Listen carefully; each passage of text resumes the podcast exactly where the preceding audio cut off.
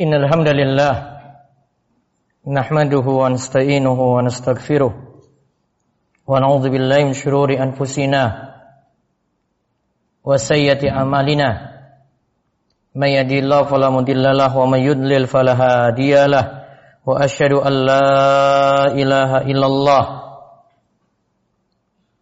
وحده لا شريك له وأشهد أن محمدا عبده ورسوله Allahumma salli ala nabiyyina Muhammad wa ala alihi wa man tabi'ahum bi isan ila yaumiddin. Allahumma inna nas'aluka ilman nafi'a wa rizqan thayyiba wa amalan mutaqabbala. Puji syukur kita panjatkan pada Allah Selawat dan salam mugi-mugi tercurah pada Nabi besar Nabi agung Nabi kita Muhammad sallallahu alaihi wasallam. Di hari Jumat yang penuh berkah ini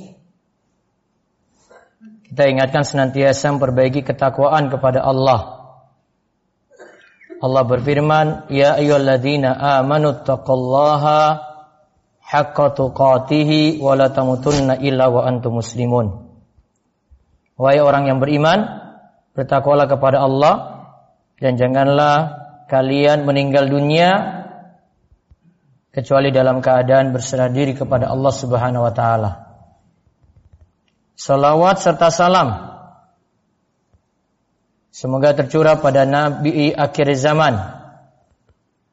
Suri tauladan dalam hidup pribadi maupun keluarga. Maupun dalam hal muamalat. Yang membawa syariat yang sempurna. Mengatur segala macam urusan. Yaitu Nabi besar, Nabi agung kita Muhammad sallallahu alaihi wasallam.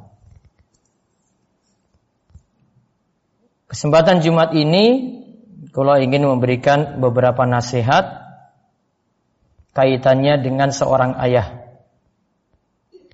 Ayah jadi rijalu qawwamuna 'alan nisa.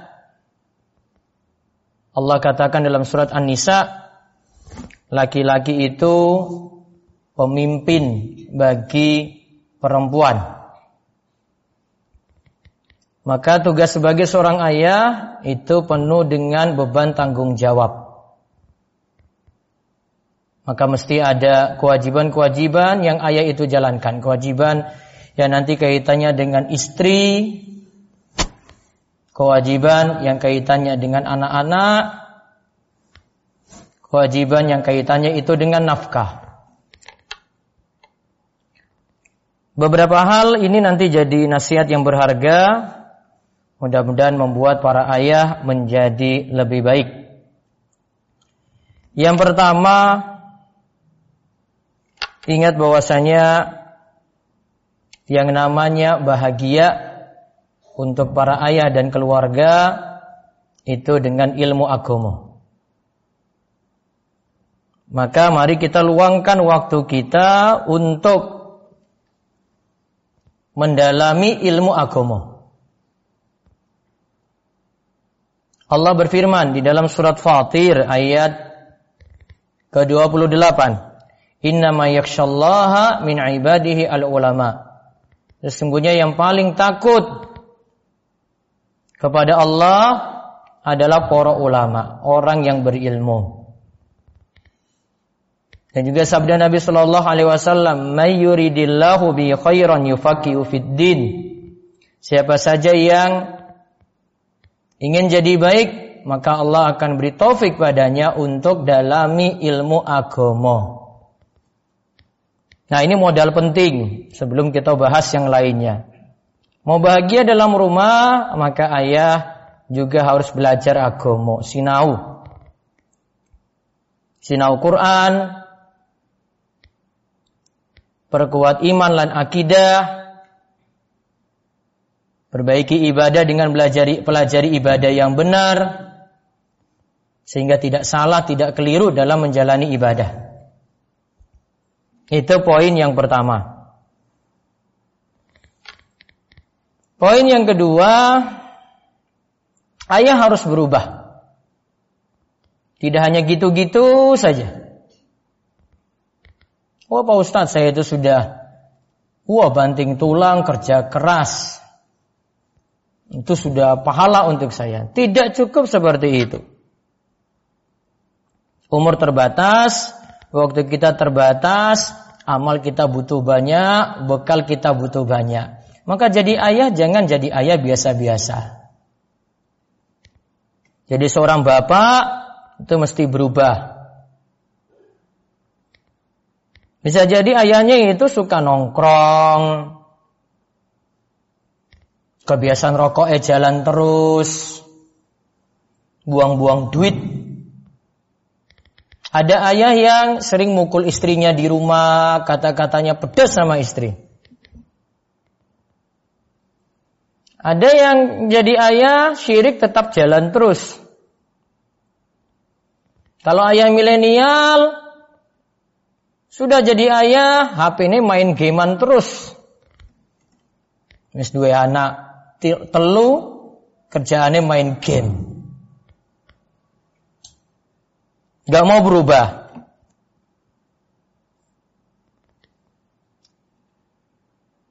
Para ulama itu katakan ada sebuah bait syair mereka itu katakan wala tarji amal al ilal ghad La'ala ghadan ya'ti wa anta fakid. Janganlah engkau nunda besok saja, besok saja, besok saja. Oh, besok, woi. Besok pas sudah tahun baru aku naik masjid. Andai besok itu tiba, la'ala ghadan ya'ti wa anta fakid. Kalau ternyata besok tiba, sudah nggak ada lagi, bagaimana? Kita sudah dipanggil oleh Allah lagi, bagaimana? Coba. Bilang besok, sesok, sesok, sesok, wes mati. Gak mau berubah dari saat ini telat menyesal sendiri. Allah ingatkan walladzina idza fa'alu fahishatan aw zalamu anfusahum dzakarallah fastaghfaru lidzunubihim. Mereka yang melakukan perbuatan keji, perbuatan zina atau menzulimi diri, diri mereka sendiri, Lantas mereka zikir kepada Allah, ingat Allah.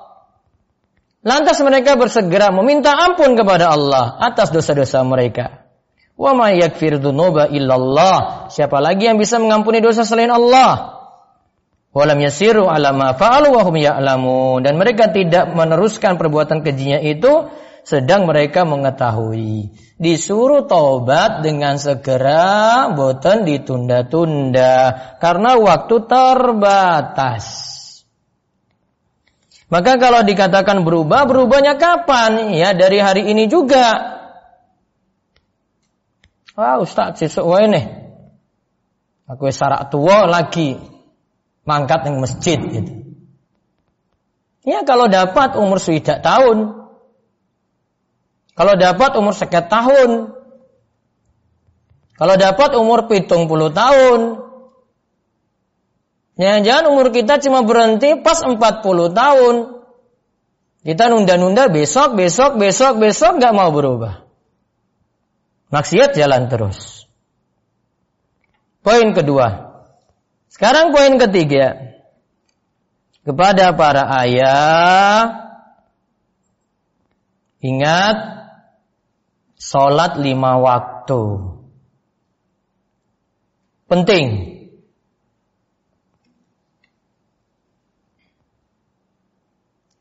Kata Umar bin Al-Khattab. Siapa yang perhatikan sholat, maka urusan yang lain pasti dia perhatikan. Namun kalau dia itu bolong-bolong sholatnya, tidak memperhatikan sholat, tunggu saja urusan-urusan yang lain juga sama seperti itu. Wongnya orang amanat, malas-malasan, kerja nggak benar. Karena memang pengaruh banget untuk sholat ini. Umar di akhir hidupnya itu ditusuk. Lantas disuruh ayah jamaah pergi sana ke masjid sholat subuh. Terus dia diurus. Lantas setelah itu orang-orang tanya Umar sudah sholat? sudah saya sudah sholat. Padahal dalam keadaan sudah mau sakratul maut nih. Kalian sudah sudah sholat. Ya, sahabat-sahabat sudah sholat. Lantas Umar memberikan wasiat, wasiat akhir. Beliau katakan, La hadza fil Islam liman tarokas sholat. Tidak ada bagian dalam Islam bagi orang yang meninggalkan sholat. Gampangannya bahasa Umar itu adalah sing ora sholat udu muslim. Itu bahasa bebasnya orang yang nggak sholat bukan muslim. Ustaz kata saya Islam. Aku wong warak loh. Ora penting. Gak ngaruh kamu tinggal di mana. Gak ngaruh kamu dekat pondok. Orang sholat orang muslim. Itu maksud Umar tadi. Tegas. Ini mau mati nih Umar ini. Sakratul maut. Masih mikir itu. Eh kalian sudah sholat belum? Ingat loh. Enggak sholat. Tidak ada bagian dalam Islam. Dan laki-laki itu berjamaah. Abdul tempat berjamaah di masjid. Biasanya kalau sholatnya di rumah, lali biasanya. Sering nunda, nunda, nunda, nunda. Oh saya ke jam rolas toh, oh engkau jam siji wae. Nah, itu biasanya nunda kalau jenengan sholat di rumah pak. Hei pak ayah, para ayah. Ayah itu kalau sholat di rumah biasanya lali. Kalau enggak waktunya sering lali, jumlah rokaatnya sering lali. Itu sering. Kalau enggak, belas orang sholat sama sekali. Salat ini penting. Kenapa tadi di masjid? Masjid lebih mulia daripada rumah. Uang-uang buta saja di masa Nabi Ibnu uh, Ibnu Umi Maktum. Buta ini, Pak. Nabi tanya, "Kamu masih dengar azan?" Iya, wahai Rasulullah, saya dengar azan. Kalau gitu, fahayya hala. Kalau gitu penuhi panggilan azan tadi. Buta masih disuruh ke masjid coba. Karena masih dengar. Ya kalau kecuali jenengan punya uzur sakit, orang iso mangkat karena badan gak fit, atau isolasi, atau pergi perjalanan jauh misalnya, atau banjir besar. Kalau nggak ada uzur apa-apa ya tetap sholatnya itu di masjid. Afdolnya seperti itu. Yang keempat, ingat uang itu bukan segalanya. Para ayah, tolong berpikir, kita pikir sarangan, duit itu bukan segalanya. Duit itu bukan jadi jalan orang itu bahagia loh.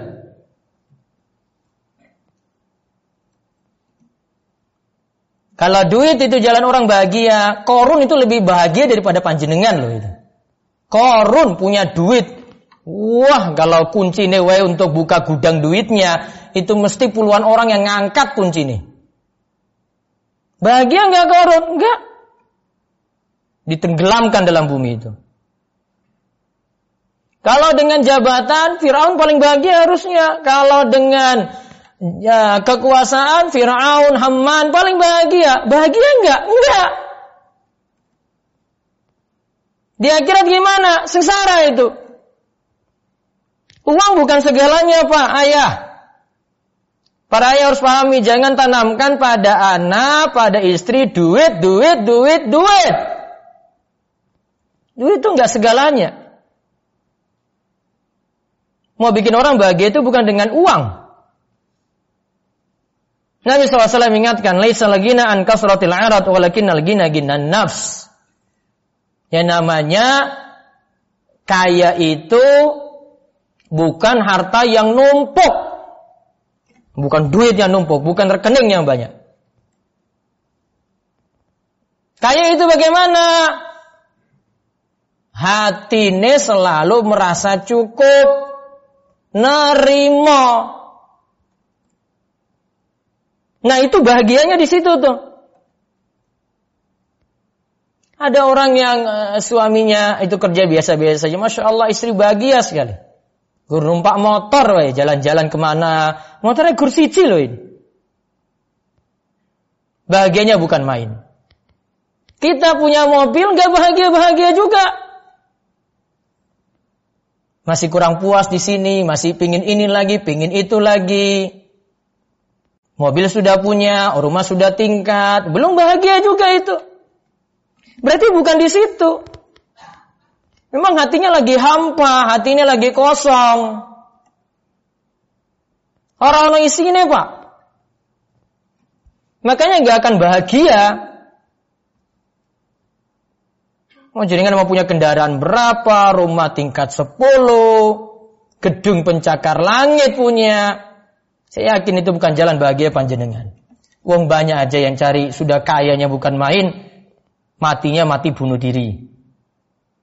Kayaknya bukan main di rumah masih nggak bahagia, narkoba. Istrinya wes ayu, cantik, masih cari selingkuhan tuh welek meneh selingkuhan nih. Bahagia enggak? Enggak, dia sejatinya enggak ada bahagia dia itu. Karena bahagia bukan di situ, bahagia letaknya di iman. Mau puas-puasin harta terus, ora cukup pak. Ayah harus tanamkan kayak gitu. Bukan tanamkan sesuk kowe duwe motor le. Kredit ora apa-apa. Oh sesuk tuku mobil wae ora apa-apa. Buat pikiran itu uang itu untuk wah nanti besok saya mau haji bagaimana, saya mau umroh bagaimana, amal jariah saya bagaimana, nanti mati bawa apa? Ninggalin apa pak? Gitu. Itu bahagia itu. Dia pergi, dia tinggalin. Oh ini harta saya untuk jalan visabilillah, harta saya untuk jalan Allah. Oh tenang itu dia hidupnya. Beda kalau jenengan tinggalkan kendaraan itu. Kendaraannya cuma itu aja sudah nggak bisa masuk kubur. Apa orang diboyong bareng kalau jenazah gitu. Boten. Tinggal itu. Amal saja yang ikut. Maka jangan tanamkan uang lagi, duit lagi, duit lagi, duit lagi. Ustaz saya berarti buatan saya kerja, ya kerja. Namun orang mikir duit terus. Wah terus nanti untuk anak ke urip kepiye? Ya kerja tetap. Mikirkan yang halal, mikirkan ibadahnya juga. Yang penting cukup sudah. Hidup bahagia itu. Lalu yang terakhir untuk para ayah sediakan waktu untuk keluarga. Manfaatkan waktu baik-baik. Hidup cuma sebentar. Dengan keluarga juga luangkan waktu yang manfaat. Waktu yang manfaat sini ya memang benar-benar dimanfaatkan untuk jalan kebaikan. Waktunya sholat ya sholat. Di DS ini mengaji sudah rutin ya. Waktunya ngaji yo ya ngaji.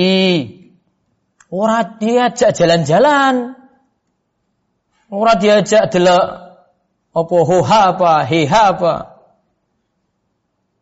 Waktunya sholat, waktunya ngaji ngaji dulu. Waktu ini anak yang ngaji, bapaknya malah ngajak, ayo le, jalan-jalan rono. Arak mancing ke, arak iki ke. Ya anak iki butuh ilmu ngaji, terus ngaji ini bapaknya orang ngulang. Bapaknya orang ngulang, anaknya dijak main. Kepi anaknya arah pinter agama kuwi lho. Malah anaknya diajak jalan itu. Ya kalau bapaknya ulama besar ya mungkin orang apa-apa, rasa ngaji. Maka sibukan waktu baik-baik. Jalan kebaikan. Untuk taat pada Allah. Nah ini dengan perhatikan lima hal tadi. Mulai perhatikan agama. Kita itu bahagia itu bukan dengan harta. Luangkan waktu untuk keluarga. Perhatikan sholat. Sholatnya usahakan di masjid. Insya Allah itu jadi ayat idaman nantinya. Jalan bareng-bareng dengan keluarga masuk surga sesarengan.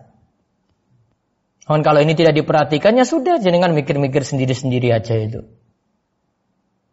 Anak ya dewe, bapak ya dewe, bojone ya dewe, mantune yo yo pisah itu sendiri-sendiri nanti.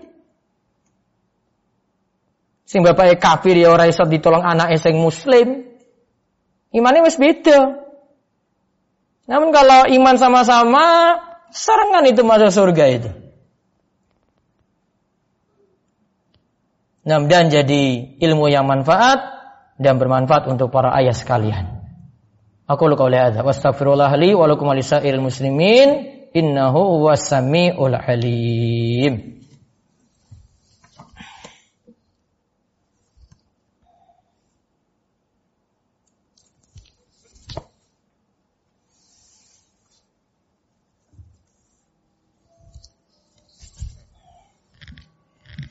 Alhamdulillahi Rabbil Alamin. Hamdan kasiran tayyiban mubarakan fihi Kama yuhibbu Rabbuna wa yardah. Wa ashadu an la ilaha illallah Wahdahu la syarikalah Wa ashadu anna Muhammadan abduhu wa rasuluh. Allahumma salli ala nabina Muhammad Wa ala alihi Wa man tabi'ahum bi isanin ila yumiddin Allahumma anfa'na bima alamtana Wa alimna ma yanfa'una wa zidna ilmah Qala Allah Ta'ala fi kitabil karim Ya ayyuhalladzina amanu taqullaha haqqa tuqatih wa la tamutunna illa wa antum muslimun. Wa qala ta'ala innallaha malaikatahu yusholluna 'alan nabi ya ayyuhalladzina amanu sallu 'alaihi wa sallimu taslima. Allahumma salli ala Muhammad wa ala ali Muhammad kama shallaita ala Ibrahim wa ala ali Ibrahim innaka Hamidum Majid. Allahumma barik ala Muhammad wa ala ali Muhammad kama barakta ala Ibrahim wa ala ali Ibrahim innaka Hamidum Majid. Allahumma fir muslimina wal muslimat wal mu'minina wal mu'minat. Al minhu wal amwat innaka sami qarib mujibu da'wa. Rabbana la tuzigh qulubana ba'da idh hadaitana wa hab lana min innaka antal wahhab. Allahumma inna nas'aluka al huda wat tuqa wal afaf wal ghina. Allahumma inna na'udzubika min zawali ni'matik wa tahawuli afiyatik wa fujaati nikmatik wa jami'i sakhatik Rabbana hab lana min azwajina wa zurriyyatina qurrata ayun waj'alna lil muttaqina imama Allahumma ahsin akibatana fil umuri kulliha wa ajirna min khizyi dunya wa adzabil akhirah Rabbana وقنا عذاب النار. صلى الله على نبينا محمد وعلى آله وصحبه أجمعين. والحمد لله رب العالمين. أقيموا الصلاة.